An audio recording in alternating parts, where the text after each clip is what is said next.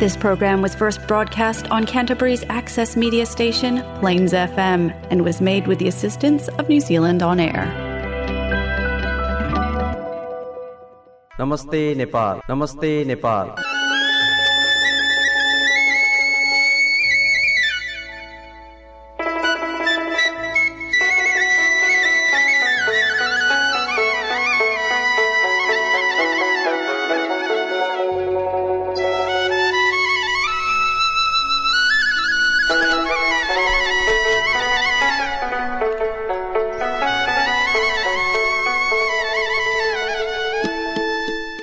नमस्कार। Plains FM ninety six point nine मेगाहजमा यो हो क्राइसिसवासी नेपालीहरूको आफ्नै कार्यक्रम कार्यक्रम Namaste Nepal. Nepal New Zealand friendship society क्यान्टबरीको प्रस्तुति साप्ताहिक कार्यक्रम नमस्ते नेपाल। यहाँहरूको घर आँगन रेडियो सेटमा आउने गर्दछ सोमबार बेलुका आठ बजेपछिको यसै समयमा। यदि क्राइसिस आसपासमा हुनुहुन्छ भने नाइन्टी सिक्स पोइन्ट नाइन मेगाजको यो फ्रिक्वेन्सी मोडुलेसन मार्फत यहाँहरूले कार्यक्रम नमस्ते नेपालको यो रेडियो यात्रामा प्रत्यक्ष रूपबाट जोडिन सक्नुहुनेछ। त्यस्तै नमस्ते नेपाल क्राइसिस न्युजिल्यान्ड नामको फेसबुक पेज मार्फत पनि हामीले प्रसारण भइसकेका कार्यक्रमहरूलाई यहाँहरूको सुविधाअनुसार सहज तरिकाले सुन्न अनि आफ्ना आफन्तहरूलाई सुनाउनका लागि व्यवस्था पनि गरिरहेका छौँ।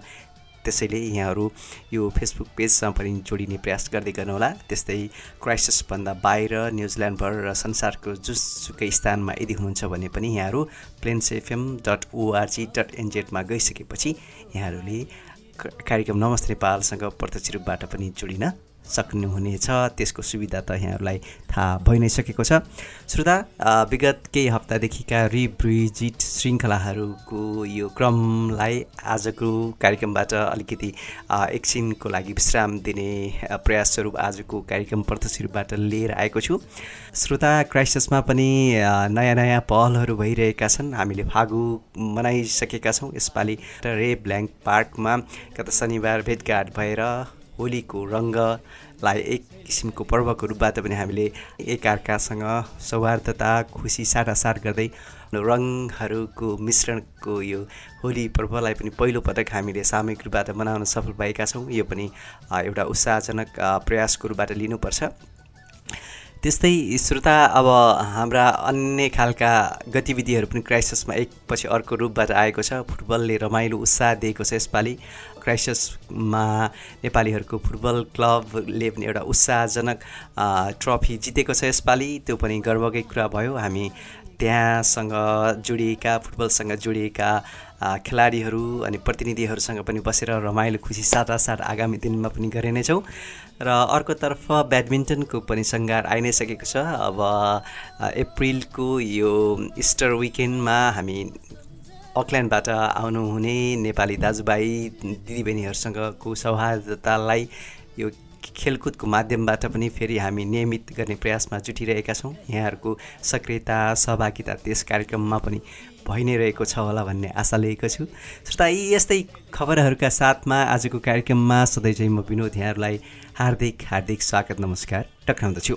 श्रोता अब यो स्थानीय गतिविधिहरूका कुराहरू छन् अनि त्यो बाहेक अब यहाँहरूलाई थाहा भइ नै सकेको छ। नेपालमा गणतान्त्रिक नेपालमा भन्नुपर्छ अझ विशेष गरी तेस्रो राष्ट्रपतिका रूपबाट रामचन्द्र पौडेलले अब लगभग आफ्नो पदभार सम्हालिसक्नुभएको छ भने उपराष्ट्रपति अब चैत्र तिन गते छानिने कार्यक्रम रहेको छ।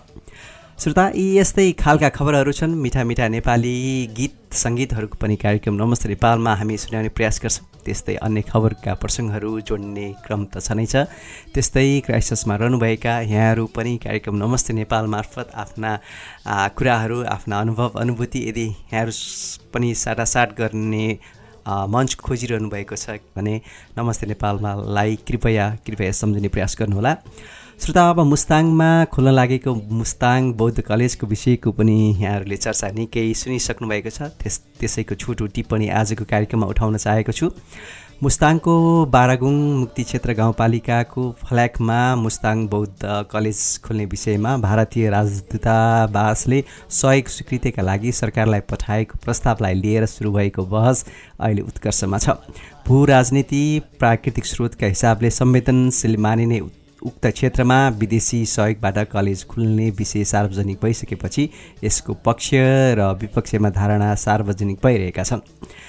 दुई छिमेकीमध्ये चिनको लागि उक्त क्षेत्र संवेदनशील मानिने र भारतले सोही क्षेत्रमा कलेज खोल्न लगानी गर्ने विषयले भू राजनीतिक असन्तुलन ल्याउन सक्ने चिन्ता पनि व्यक्त गरिएका छन्। चिनले स्वतन्त्र तिब्बतलाई आफ्नो अधीनमा लिइसकेपछि दुई हजार बिस सालपछि तिब्बती खम्पाहरूले पनि त्यो क्षेत्रको आसपासमा रहेर सशस्त्र विद्रोह गरेका पनि थिए।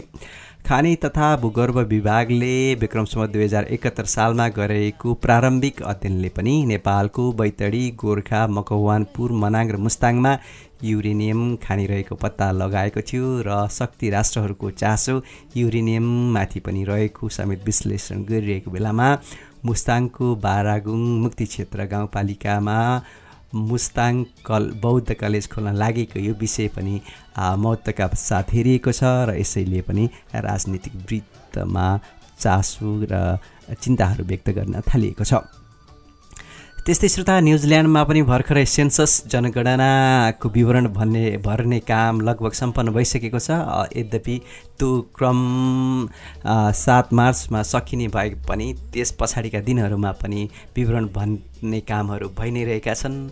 र यहाँहरूमध्ये विशेष गरी नेपाली समुदायले त्यस क्रममा विवरण भर्ने क्रममा भाषा र राष्ट्रियताको खण्डमा नेपाली राख्ने बेला आएको छ। सायद धेरैले यहाँ राखि नै सक्नुभएको छ होला।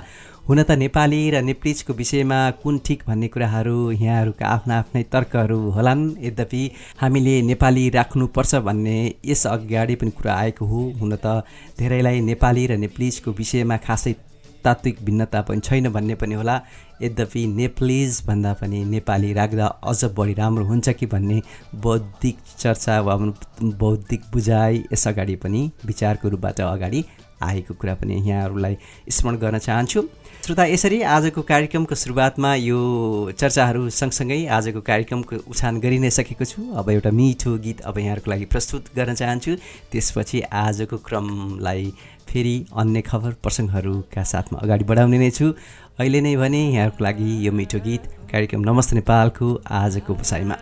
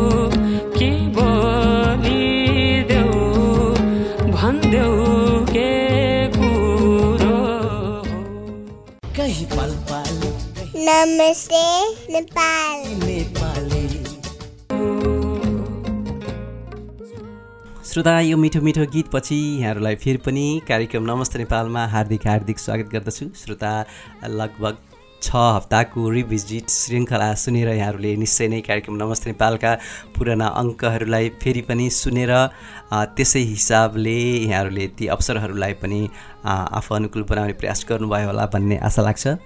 पुराना भए पनि पुराना कुराहरू पनि हाम्रा दिलमा छोएर बसिएका हुन्छन्। मन्स मानस पटलमा तिलले पनि अर्कै खालको सामिप्यता आफ्नै खालको अनुभव अनुभूति लिएर जान्छ। सायद यहाँहरूलाई पनि त्यस्तै खालको बुझाइ त्यस्तै खालको अनुभव भयो होला भन्ने मैले विश्वास लिएको छु। अब आजको अब प्रत्यक्ष कार्यक्रमको श्रृङ्खला छ। अब तत्कालिक खबरहरू पनि जोड्ने प्रसङ्ग हुन्छ। त्यस्तै मिठा मिठा गीत सङ्गीतहरू त छन् नै। श्रोता अहिले आर्थिक चिन्ताको विषय आएको छ नेपालको। त्यसलाई कसरी अब कम गर्ने त्यो जोखिमको विषयमा अब अमेरिकाबाट आएका सिलिकन भ्यालीका दुईवटा ब्याङ्कहरू बन्द भइसकेका छन् र नेपालमा पनि खतराको घन्टी सूचकहरू बजि नै रहेका हुन्। त्यसका लागि केही अगाडिदेखि नै सचेत बनाउने प्रयासहरू पनि नभएका होइनन् बौद्धिक पक्षहरूबाट।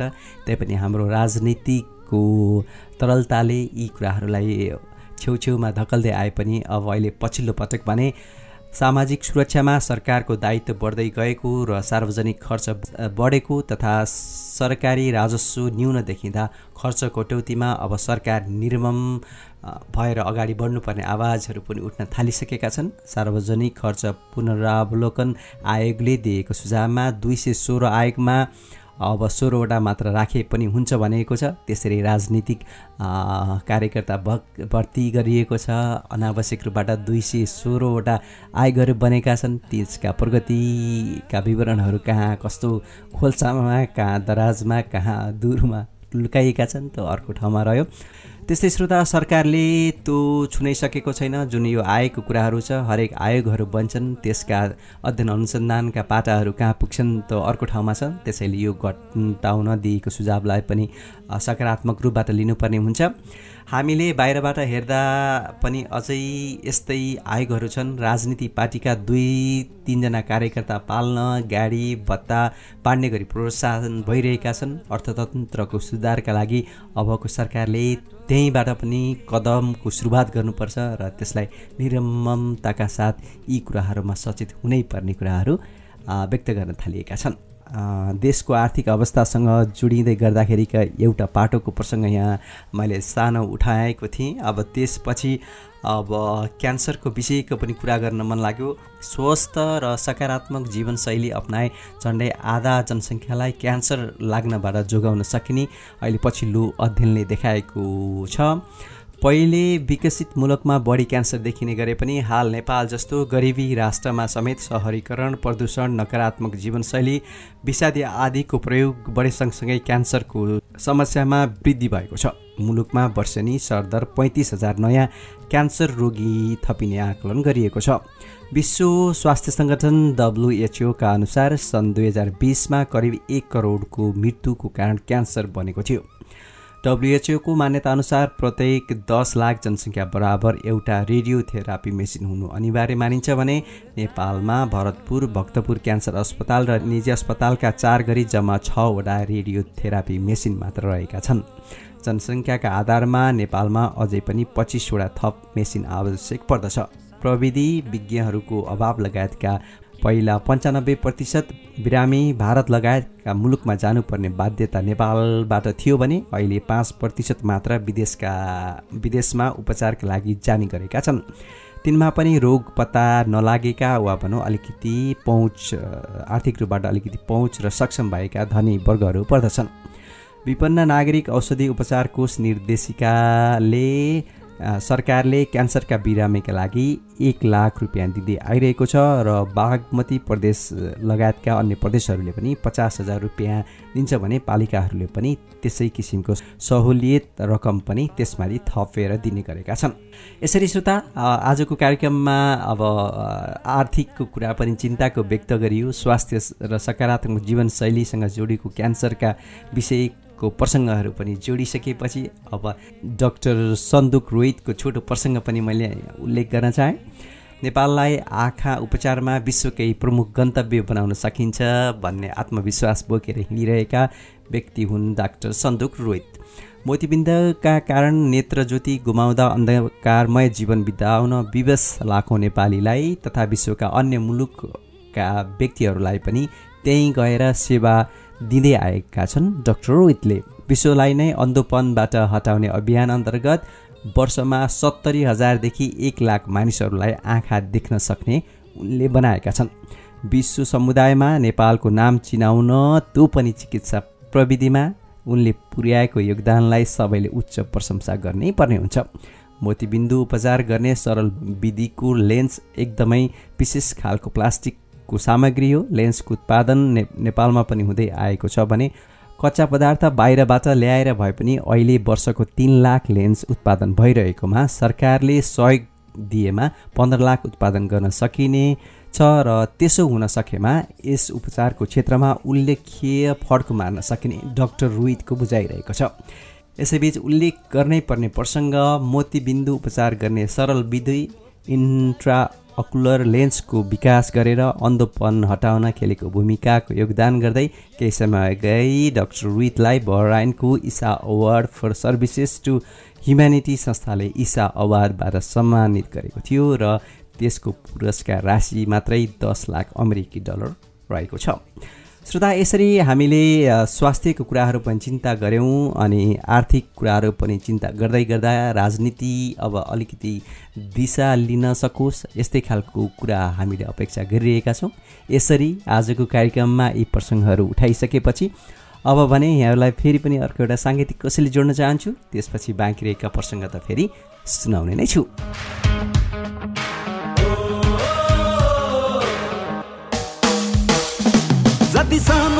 देशले सहिसक्यो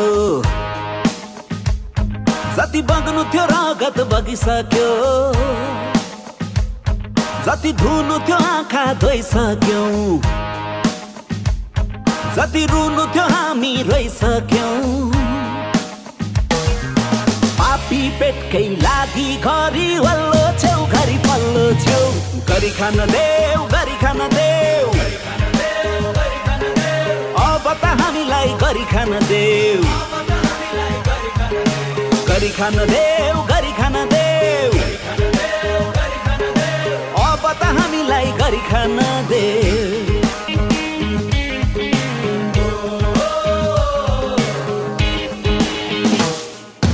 कहिले भन्यौ काली रोयो कहिले भन्यौ सुस्ता। जिन्दाबाद र मुर्दाबादमा बित्यो हाम्रो पुस्ता।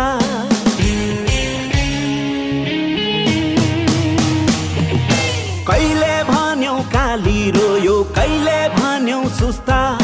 जिन्दाबाद र मुर्दाबादमा बित्यो हाम्रो पुस्ता। देशमै काम देशमै मामा कहिले हुन्छ भनी देऊ। गरी खान देऊ गरी खान देऊ। अब त हामीलाई गरी खान देऊ। नाङ्गो आङले झन्डा बोक्यौँ बोको देश तर पनि सधैँ उस्तै देशको परिवेश। देशमै न्याय देशमै आय कहिले हुन्छ भनी देऊ। गरी खान देऊ गरी खान देऊ। अब त हामीलाई गरी खान देऊ। गरी खान देऊ गरी खान देऊ। अब त हामीलाई गरी खान देऊ। तपाईँहरू सुन्दै हुनुहुन्छ। नमस्ते नेपाल।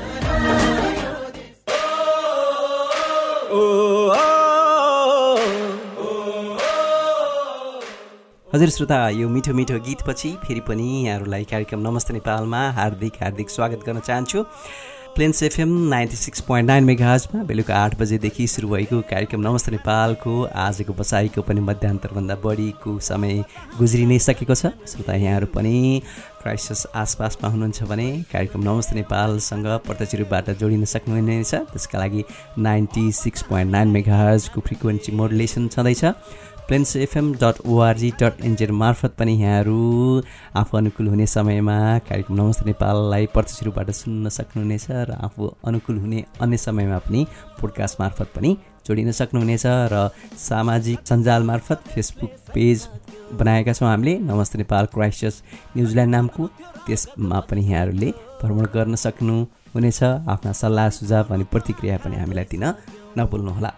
श्रोता यो आफ्नै विषयमा गरिएको अनुरोध यो पछि अब यहाँहरूलाई आजको कार्यक्रममा बाँकी रहेका प्रसङ्गहरूको क्रम अब जोड्न चाहन्छु।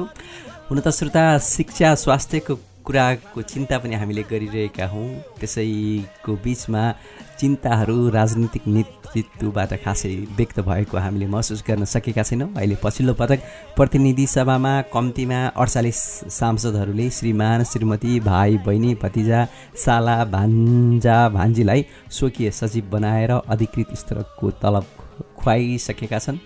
सङ्घीय संसदका पदाधिकारीहरूको सुविधा सम्बन्धी ऐन दुई हजार त्रिहत्तर अनुसार सांसदको स्वकीय सचिवले मासिक त्रिचालिस हजार छ सय उनानब्बे रुपियाँ तलब पाउँदछन् भने हामीले खुबी भएका भन्दा पनि आफ्नालाई राम्रालाई भन्दा पनि हाम्रालाई यसरी यस्तै खालको कुराहरू भइरहँदाखेरि हामीले सोचेको जस्तो सकारात्मक दिशा देशले राज्यले नपाउने पो हो कि? त्यसमध्ये पनि आवश्यकता कस्ता छन् र सक्षम कति छन् त्यो अर्को कुरा भयो। समग्रताको स्थिति यस्तो छ। हामीले आश मारिरहँदाखेरि निराशाका कुराहरू कुल्चन्दै अगाडि बढ्नुपर्ने यो पनि एउटा प्रसङ्ग रह्यो। त्यस्तै श्रोता विदेशमा भइरहेका विभिन्न देशहरूमा रहेर नेपालीहरूसँग जोडिने गर्वला खबरहरू पनि हामी कार्यक्रममा जोड्ने प्रयास गर्दै आइरहेका हुन्छौँ। त्यसै क्रममा अमेरिकाको मेरील्यान्ड राज्यको जेनरल एसेम्ब्लीमा दोस्रो पटक विजयी हासिल गरेका विधायक डाक्टर ह्यारी भण्डारीको प्रसङ्ग पनि छ। अमेरिकाको राज्यसभा प्रतिनिधित्व गर्ने उनी पहिलो नेपाली मूलका व्यक्ति हुन् र अमेरिकामा रहेका नेपाली भाषी त्यहाँ जन्मिएका नेपाली अमेरिकनहरूको पक्षमा काम गर्ने प्रतिबद्धता व्यक्त गर्ने ह्यारी भण्डारीले हिन्दूहरूको पवित्र ग्रन्थ भागवत गीता छोएर शपथ ग्रहण लिएको प्रसङ्ग पनि अब हाम्रो लागि गर्विलो कुराहरूभित्र नै पर्दछ भन्ने मेरो अनुमान रहेको छ।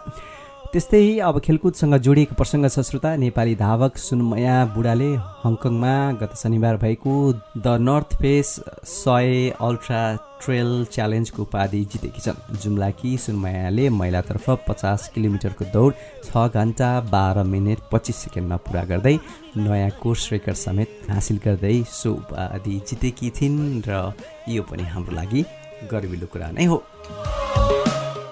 तथा अब नेपाल न्युजिल्यान्ड फ्रेन्डसिप सोसाइटीका स्थानीय गतिविधिहरू पनि भइ रहेका छन्। आइतबार बिहान भाइ बहिनीहरूका लागि नेपाली भाषाको कक्षा पनि छ। साथसाथै अलिकति अहिले व्यवस्थापनको अप्ठ्यारोको कारणले गर्दाखेरि ब्याडमिन्टन र नेपाली भाषाको कक्षा अलग अलग स्थानमा गर्नु परेको छ कृपया यहाँहरू पनि उपयुक्त हुने विधामा यहाँहरू पनि सहकार्य वा पनि सहभागी हुन सक्नुहुनेछ। त्यस्तै अब जुम्बाको क्लास पनि छ बुधबार भइरहेको छ। अब परिवर्तित समय स्थान अब अहिले हलहरूको अलिकति चाबिलोको कारणले गर्दाखेरि कृपया समय तालिकाको लागि भने सोसाइटीको फेसबुक पेज र सोसाइटीको भाइबर ग्रुपलाई फलो गर्ने प्रयास गर्दै गर्नुहोला। यो त अब सोसाइटीको गतिविधिकोहरूको विषयको छोटो प्रसङ्ग भयो। अब भने अति कम विकसित राष्ट्रहरू र नेपालको यो छोटो प्रसङ्गका साथ आजको कार्यक्रमलाई बिच मार्ने प्रयास गरिरहेको छु। श्रोता जब राज्यले उत्पादनशील गति गतिविधिलाई प्रवर्धन गर्ने भौतिक पूर्वाधार उपलब्ध गराउनमा कुनै चासो राख्दैन त्यसैले गरिबी र अनुत्पादक अर्थतन्त्रको विकास हुने गर्दछ। हाल संयुक्त राष्ट्रसङ्घले छ्यालिस देशलाई अति कम विकसित राष्ट्रहरू एलडिसीका रूपबाट सूचीकृत गरेको छ जसमध्ये अति कम विकसित तेत्तिस राष्ट्रहरू अफ्रिकामा र नौ एसियामा तथा एक क्यारिबियनमा र त्यस्तै तिन प्रशान्त क्षेत्रमा रहेका छन्। अति कम विकसित राष्ट्रहरूको विकासका लागि सबैभन्दा ठुलो चुनौती अपर्याप्त विदेशी सहायता भौगोलिक अवस्थिति र जनसङ्ख्या नभई वास्तवमा हिंस्रक राज्य संरचना नै हो जसले दोहनकारी आर्थिक र राजनैतिक संस्थानहरूलाई मजबुत गरेको हुन्छ। आफ्नो र आफ्नो आसपासका फाइदाको लागि मात्र। नेपाल सम्बन्धी सन् उन्नाइस सय बाहन्नमा प्रकाशित आफ्नो लेखमा प्राध्यापक वर्नर लेबीले लेखेका थिए त्यति बेला शताब्दीौँदेखि नेपाल स्वतन्त्र राष्ट्र थियो तर त्यहाँका जनता कहिल्यै स्वतन्त्र भएनन्। विदेशी शक्तिहरूले नभएर आफ्नै शासकहरूले उनीहरूलाई दबाएर शोषण गरे। यतिका वर्ष बितिसक्दा आजको समयमा पनि नेपाल किन गरिबै छ भन्ने प्रश्नको भिन्न जवाब हामीसँग छैन र कसैसँग पनि छैन। यो साह्रै नै अति कम विकसित राष्ट्रहरू र नेपालसँग जोडिएको दुःखद प्रसङ्ग छ श्रोता। अहिले पछिल्लो पटक चालु आर्थिक वर्ष उन्ना असी असीको अर्धवार्षिक समीक्षा अवधिमा सार्वजनिक ऋण बढेको देखिएको छ अर्कोतर्फ। पुस मसान्तसम्मको नेपालको बाह्य ऋण एघार खर्ब दुई अर्ब एकाउन्न करोड र आन्तरिक ऋण नौ खर्ब अडसट्ठी अर्ब एक करोड पुगेको छ। श्रोता यसरी अति कम विकसित राष्ट्रहरू र नेपालको यो भविष्य उज्जवल भविष्यको खोजाइका अप्ठ्याराहरू पनि यसैसँग जोडेर आइरहेका छन्। यो प्रसङ्गको उठान सँगसँगै बेलुका आठ बजेदेखि आजको कार्यक्रम सुनेर साथ दिनुभएकोमा यहाँहरूलाई हृदयदेखि नै धन्यवाद चक्राउन चाहन्छु। आउँदो साता पनि यहाँहरूसँग भेटघाट गर्न आउने नै छु। यहाँहरूका सल्लाह सुझावहरूको प्रतीक्षा गर्दै यहाँहरूका बाँकी रहेका पल सधैँ चाहिँ विशेष बनुन् शुभ बनुन्।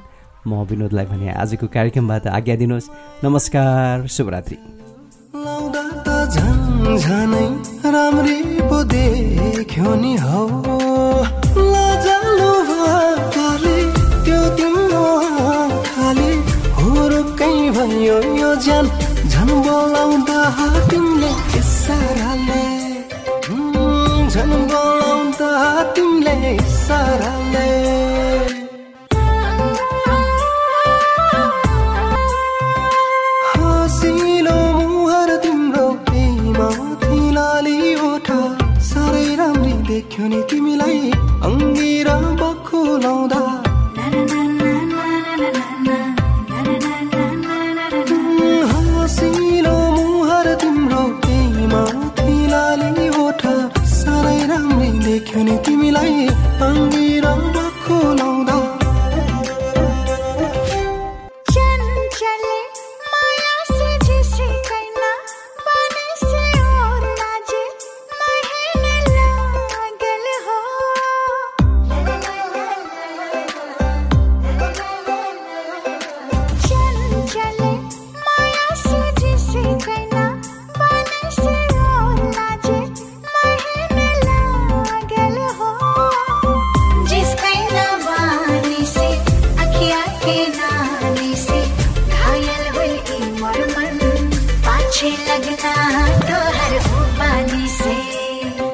नमस्ते नेपाल नमस्ते नेपाल